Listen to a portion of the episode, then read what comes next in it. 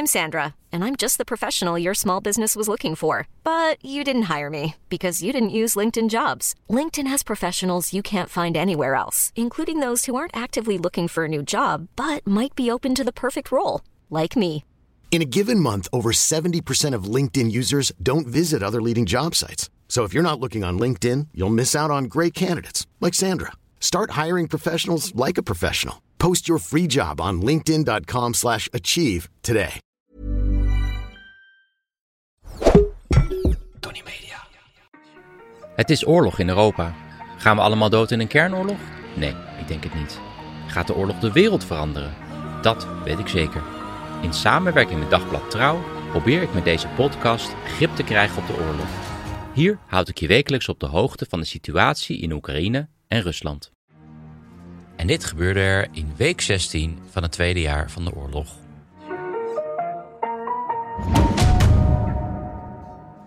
Ja, dat offensief gaat heel anders van start dan dat offensief van eh, vorig jaar in september. Toen werd regio Kharkiv uh, in, ja, in een paar weken ingenomen door de Oekraïners. Maar die situatie was toen ook heel anders. De Russen waren onderbezet, het front was veel langer. En die mobilisatie die was pas net afgekondigd. Um, dus er waren weinig soldaten en die Russen konden nauwelijks ingraven. Nu hebben de Russen de hele winter gehad om loopgraven te maken, mijnenvelden te leggen, prikkeldraad en betonblokken neer te zetten. Op de meeste plekken zelfs over drie linies. De eerste linie is over het algemeen relatief onderbezet. Die is alleen bedoeld om wat tijd te winnen voor de Russen. Voordat de Oekraïners dan bij de tweede linie zijn. En daar kunnen de Russen dan hun eh, soldaten concentreren. Nou, de afgelopen dagen dringen de Oekraïners vooral door die eerste linies heen. Dat is in ieder geval wat waarschijnlijk nu aan de hand is. Het is heel erg moeilijk kijken door al die oorlogsmist. Oekraïne is heel erg zuinig met het verspreiden van informatie. Dus ik haal het voornamelijk van uh, Russische bronnen, uh, ja, van de Russische militaire telegramkanalen. En het lijkt er in ieder geval op dat op sommige plekken die Oekraïners door die eerste linie zijn gebroken. En natuurlijk gaat dat ten koste van soldaten en materieel. Er zijn ook een aantal Duitse Leopard-tanks vernietigd. Nou, dat werd breed uitgemeten op de social media. Er waren gelijk allemaal westerse leunstoelgeneraals die op Twitter hun conclusie trokken dat de Oekraïners niet uit de voet kunnen met westers materieel, et cetera. Maar ja, dat hoort natuurlijk wel gewoon bij een oorlog. Er gaat wel eens wat stuk en soldaten gaan dood. En die Oekraïners maakten het nog erger door te roepen dat de beelden dus van die kapotgeschoten Leopard-tanks nep waren, dat ze door een computer waren gemaakt. Nou, dat is gewoon niet zo.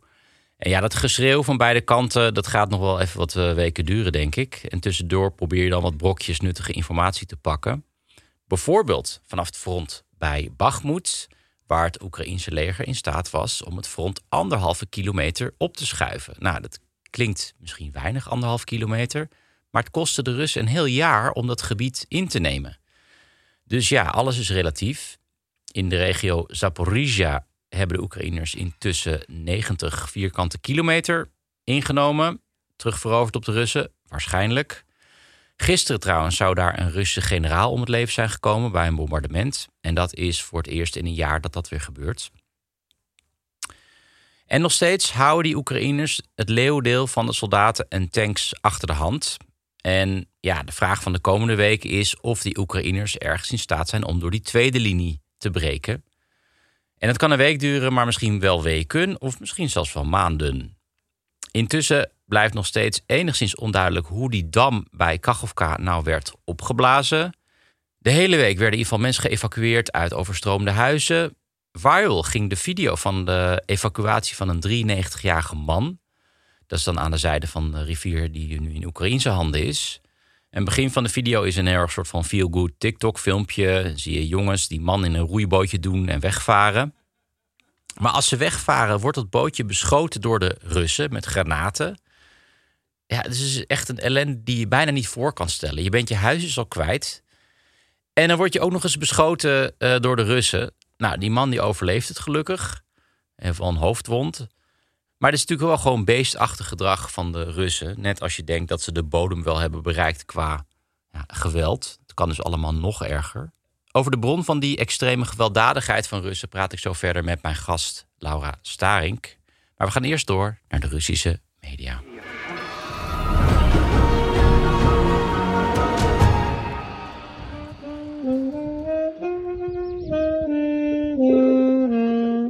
Dit is het geluid van een andere video uit het overstroomde gebied die viral ging. Een wel goed gelukt feel-good TikTok-filmpje. Je hoort hier een saxofonist die het Oekraïense volkslied speelt. Bovenop het dak van zijn huis. Het huis is bijna helemaal ondergelopen, alleen de nok nog niet. En ja, daar staat hij dan bovenop die nok. Met een ondergaande zon erbij. Ja, het is eigenlijk gewoon best mooi beeld als je eventjes alle context uh, vergeet. Het is natuurlijk een ellende daar met die overstromingen.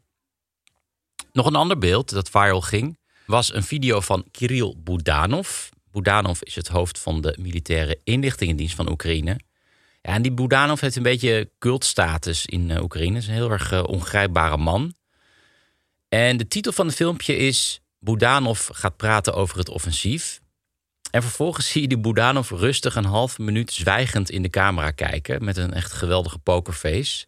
Met aan het eind de tekst: Plannen houden van stilte wordt vervolgd. Nou, de boodschap is duidelijk. Heb even geduld, mensen. We kunnen het even niet uh, vertellen wat er aan de hand is. Die Budanov trouwens is waarschijnlijk voor een groot deel verantwoordelijk voor die aanvallen in Rusland. Deze week vielen er trouwens weer drones neer in Rusland, in Voronezh, Koersk en Belgorod. En de Russen hebben in april al een arrestatiebevel uitgevaardigd voor uh, Budanov vanwege het opblazen van de brug naar de Krim vorig jaar, volgens mij in oktober. En hij reageerde op dat arrestatiebevel met: Wat een eer, het laat zien dat ik op het juiste pad ben en ik zal nog harder werken om te laten zien dat het arrestatiebevel gerechtvaardigd was. Nou ja, vandaar dus zijn cultstatus bij de Oekraïners. Verder op BBC Russia een interessant interview met een Russische piloot, Dmitri Mishov. Hij was helikopterpiloot van een Kamov 50. Ja, de Kamov is een beetje de tegenhanger van de Amerikaanse Apache-helikopter, gevechtshelikopter. En die Mishov die was gevlucht naar Litouwen. Ja, met een rugzakje ergens uh, ja, de grens overgestoken in de bossen tussen Rusland en Litouwen. En als je hem mag geloven, was hij vanaf dag 1 tegen de oorlog. En hij zegt ook dat er een flink aantal van die piloten tegen die oorlog is. Of ze zien in ieder geval niet het nut van die oorlog in. Nog meer piloten klagen over het lage salaris. Ze krijgen dus maar 1000 euro per maand voor ja, levensgevaarlijk werk. Want intussen zijn er meer dan 300 van die kamels neergehaald. Even om een idee te geven, dat is dus net zoveel als in 10 jaar Afghanistan-oorlog. Die kamels in Afghanistan trouwens werden toen neergehaald door de Mujahideen. Met wapens die in het geheim werden geleverd door de Amerikanen.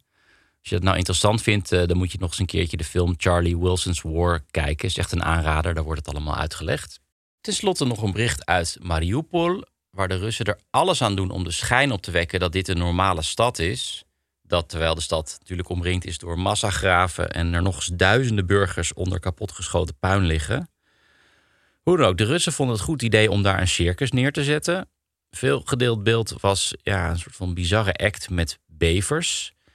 Uh, op de affiche stond dat dit de enige circusattractie ter wereld is met bevers. Nou, dat geloof ik gelijk. En je ziet dan op het podium acht grote ja, gele olievaten staan. In elk vat zit dan een bever. Nou, er wordt telkens eentje uitgehaald. En eentje moet bijvoorbeeld gaan horden lopen en de andere gaat van een glijbaan. En het filmpje eindigt met een fantastische wraak van een van de bevers tegen deze vreedheid. En dat doet hij als hij aan een trapeze wordt gehangen. Dus je ziet die bever heen en weer zwaaien over het publiek. En dan begint hij te pissen. Best wel lang ook. Hij, ja, hij zeikt gewoon het hele publiek onder. Nou, prachtig. Oké, en dan nog dit. Deze week bezochten Poetin en zijn minister van Defensie Shoigu een militair hospitaal om handjes te schudden met Russische soldaten die gewond zijn geraakt aan het front. Ja, een beetje een terugkerend ritueel. En op beeld is te zien dat Poetin zijn rug naar Shoigu gedraaid houdt. Hij, ja, staat met zijn rug naar Shoigu toe. Ziet er super ongemakkelijk uit. En ik denk dat er weinig meer over is van de bromance tussen Poetin en Shoigu. Ja, rond deze tijd van het jaar, aan het begin van de zomer, voor de oorlog, gingen ze altijd lekker samen naar Altai. Prachtig gebied eh, in het zuiden van Siberië. En om daar dan ja, te gaan vissen, natuurlijk met ontbloot bovenlichaam. Shoigu komt uit eh, Altai. Maar van die vriendschap is weinig over. En je merkt dat het al maanden rommelt bij Defensie. Dat natuurlijk ook in strijd is met het privéleger van Wagner. Ik probeer er niet elke week aandacht aan te besteden, want het gaat weer ten koste van berichten over de oorlog.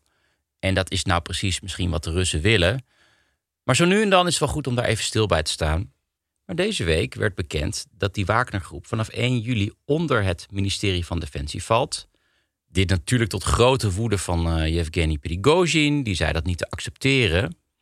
Verder opvallend is dat Ramzan Kadyrov, de leider van Tsjetsjenië, die ook een privélegertje heeft, de Ahmad, die zei juist expliciet te gehoorzamen. En voortaan valt hij, ja, zijn groep dus ook onder het ministerie van Defensie, dus onder Shoigu. Maar goed, dat legertje, die Ahmad, die speelt een veel minder belangrijke rol dan de Wagnergroep. Het wordt ook wel TikTok-leger genoemd, want ze zijn daar vooral bezig met het maken van TikTok-filmpjes en niet met vechten. Maar goed, je ziet die spanningen binnen de militaire elite toenemen. En hoe hoog die spanningen oplopen, dat bleek wel uit een video van Raman Venevitin. Ik had vorige week al over hem. Dat was die Russische officier die was gevangen genomen door Wagner. Hij komt zelf uit het Russische leger. Was gevangen genomen door de Wagnergroep. En ja, het is echt verbijsterend, die video. Want in die video vertelt die Venevitin dat hij verre van de enige is. Regelmatig worden er mannen van het Russische leger gevangen genomen door Wagner-soldaten. Sommigen moeten dan smerig werk doen, bijvoorbeeld lijken van het slagveld halen. Anderen worden weer gemarteld. Er worden bijvoorbeeld ook zuur in de ogen gegooid. In één geval werd een soldaat verkracht. Nou, die pleegde daarna zelfmoord. Ook worden er regelmatig soldaten van het reguliere Russische leger ontvoerd door Wagner-soldaten. En die vragen dan daarna wapens van het Russische leger als losgeld. Nou, en die Venevitin heeft het een beetje over het anarchisme van de Wagnergroep. En dat laat allemaal maar zien dat die vijandigheid tussen al die facties binnen het Russische leger veel dieper gaan dan ik dacht. En ik denk als Poetin deze strijd niet kan beteugelen, dan kan die strijd op termijn een belangrijke rol gaan spelen in deze oorlog. Ik las deze week een prachtig citaat van de Oekraïense literaire recensent Olga Agarkova. Ze schreef: Rusland is een land waar je misdaden kan plegen zonder straf. En waar je kan worden gestraft zonder een misdaad te hebben gepleegd. Ja, één ding wat opvalt volgens mij in deze oorlog is echt het buitensporige geweld van de Russen. Zelfs binnen de context van oorlog. Oorlog is natuurlijk nooit een pretje, natuurlijk. Alleen al in deze podcast deze week had ik het uh, over het bombarderen van burgers terwijl die worden geëvacueerd uit overstroomd gebied. Ik had het over verkrachtingen en martelingen binnen het Russische leger. En ook nog eens over een bever die wordt gedwongen aan een trapeze te hangen. Waar komt nou die grenzeloze bruutheid vandaan? Hierover in gesprek ga ik met mijn gast van deze week en dat is Laura Starink. Welkom Laura. Hallo. Hallo. Laura was uh, ooit correspondent in Moskou voor NRC. Eh, onder meer tijdens de val van de Sovjet-Unie. Ze schreef daar een prachtig boek over. Het boek heet Land van Horen Zeggen. Dat boek is ook een van de redenen voor mij geweest om Russisch te gaan leren en die kant op te gaan. Uh, Laura is medeoprichter van Raam op Rusland. Dat is een online platform met hele goede stukken over Rusland en ook over de oorlog in Oekraïne. De site is toch helemaal vrij toegankelijk, toch Laura, of niet? Zeker, hartstikke gratis. Eh, helemaal gratis uh, heb je een enorme uh, toegang tot een enorme hoeveelheid kennis. En goed opgeschreven, ik zet een link in de show notes. Hey, Laura, onlangs schreef je een stuk voor Raam op Rusland dus. Waar je een beetje ja, probeert dat buitensporige geweld te verklaren. Je opent ook het stuk met een roman. Die roman heet Dag van de Oprichnik. Kan je wat vertellen over die roman om mee te beginnen? Ja, dat is een, eh, een, eh, een dystopie van uh, Vladimir Sorokin. Mhm. En die dateert al uit 2006. En het, ik, toen ik dat boek las, toen, toen, toen vond ik, ik vond het eerlijk gezegd een weerzinwekkend boek. Want het is een soort van ja, het is een verhaal, een, een, roman waarin een, een, een heerser in het Kremlin, die niet bij naam genoemd wordt, maar laten we hem voor het gemak Poetin noemen, mhm. Uh, met een terreurbewind heeft uh, ontketend in zijn hele land. Uh, met behulp van de Veiligheidsdienst. Die, het is een beetje een, een fantasy-achtige aanpak. Hè, die in, op, op vliegende schotels door het land razen. En overal branden, moorden en verkrachten. Ja. En ik weet nog dat. ja, ik las het dus met grote weerzin. maar ik dacht tegelijkertijd: zou zoiets ooit werkelijkheid kunnen worden? Want het is, nou, de boek is, is eigenlijk. Je zou het ook een beetje kunnen zien als een verheerlijking van geweld. Uh, nee, nee, nee. Want het is de, de, de, die, die, die, uh, die uh, Sarokin, die, die, is daar, die walgt ervan. Ja. En, hij, maar hij beschrijft het als een, een, een reële toekomstvisie mm. voor Rusland. Nou, in Rusland zelf wordt er nog niet gemoord en verkracht, maar in het buurland Oekraïne, wat door de Russen als Rusland beschouwd wordt, inmiddels op volle kracht. Mm. Dus ik, ik, ik moet vaak aan die roman denken zo'n figuur als Prigozhin bijvoorbeeld, die zou ook zomaar in dat boek voor kunnen komen. Absoluut, ja. Prigozhin is ja, sowieso, ja, dat is, het idiote is dat het een, het, is aan de ene kant een soort van operettefiguur en aan de andere kant is het zo'n gruwelijke crimineel uh, die zo ongelooflijk de, de vrije hand krijgt uh, onder Poetin. Uh, daar, daar zijn de geleerden het nog niet over eens wat, wat daar precies de achtergrond van is. Maar ja de dingen die hij doet zijn, uh, zijn met geen pen te beschrijven. Hè. Mensen uh, uh, als kanonnenvlees gebruiken. Zijn, hij, hij zegt zelf dat er 20.000 gevangenen die hij gerecruiteerd heeft in de strafkampen mm omgekomen zijn alleen al bij de slag om Bakhmut. Dus, en, en, daar laat hij zijn traan om. Heb je soms ook niet, tenminste ik, ik heb soms de neiging om te denken dat het eigenlijk fictie is, omdat het zo absurd is. Als het gaat over bijvoorbeeld recruteren van gevangenen. Uh, En in ruil van hun leven op het spel zetten, worden ze dan na een half jaar vrijgelaten. Dat is eigenlijk iets wat je, wat je in een film ziet of zo. Maar dit gebeurt dus gewoon. Ja. Ja, nou ja, kijk, eh, eh, dat is het griezelige van het Poetin-systeem. Is dat eigenlijk zijn alle middelen geoorloofd. Hm.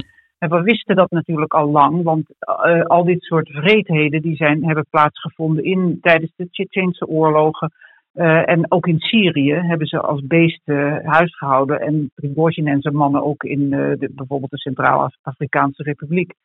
Maar dat onttrek, onttrok zich eigenlijk aan onze waarneming. En er is kennelijk een, uh, een, een, oorlog in het midden van Europa nodig geweest. Mm -hmm. Om duidelijk te maken hoe, hoe gewetenloos dat beleid is. Want het grote probleem is niet zozeer dat alle Russen onmensen zijn. Mm -hmm. Dat is natuurlijk niet zo.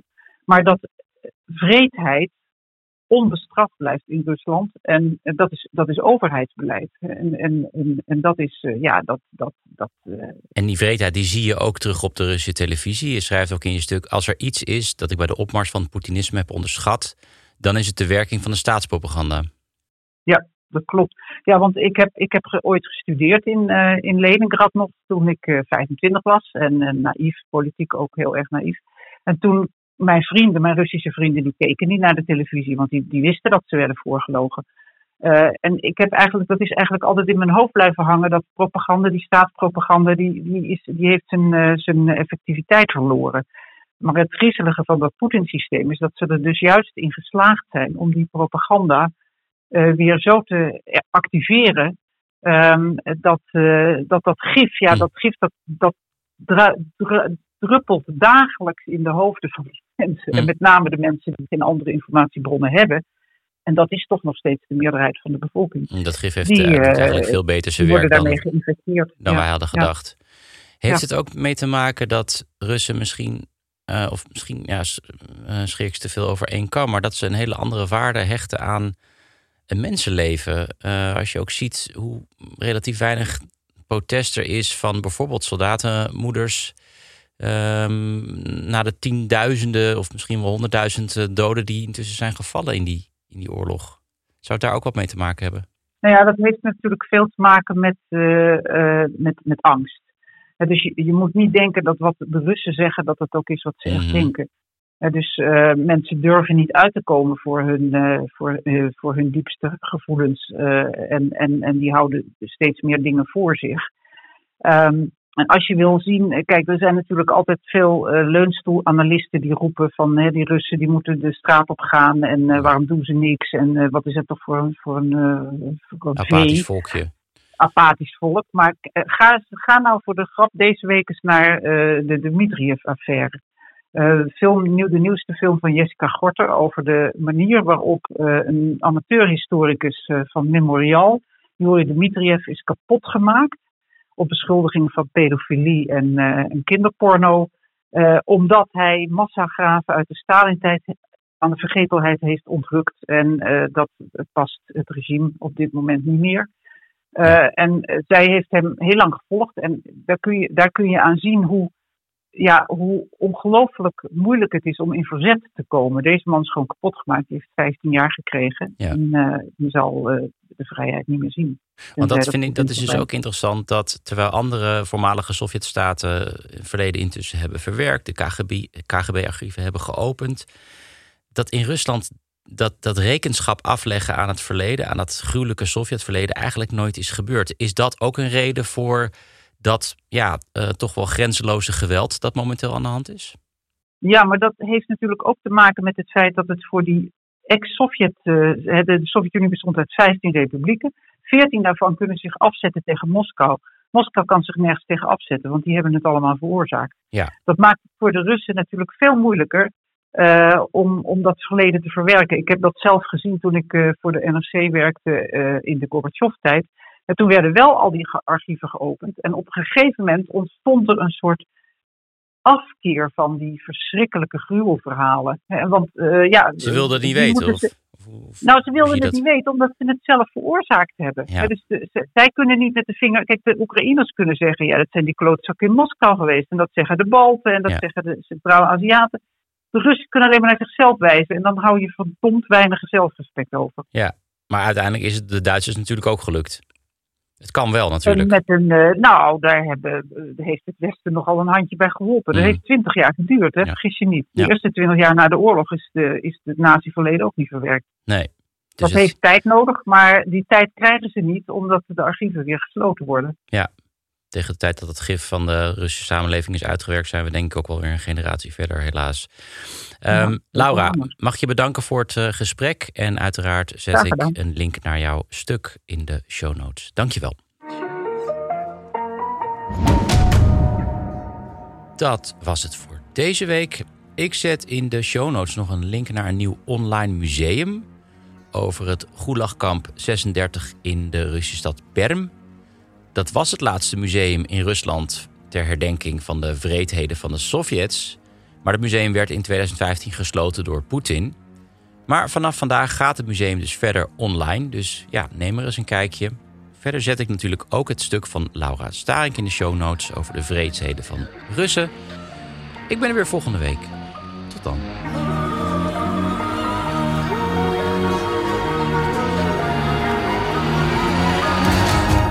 Dit was een productie van Tony Media en Dagblad Trouw.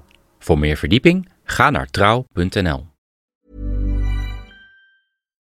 Ik heb geen idee waar je naar geluisterd hebt, maar misschien een goede tip om nog meer tijd te vermorsen. Luister eens een keer naar de Snopcast, waarin ik, Jort Kelder en mijn goede vriend Ivo van Rechteren Altena alles bespreken wat het leven draaglijk maakt zonder enig praktisch nut. Met uiterst overbodige snobjecten als ja, een machientje om je tandpasta uit te rollen, een ski natuurlijk van Bentley of een Kashmir springtouw. Jazeker, de Snopcast, omdat je het waard bent.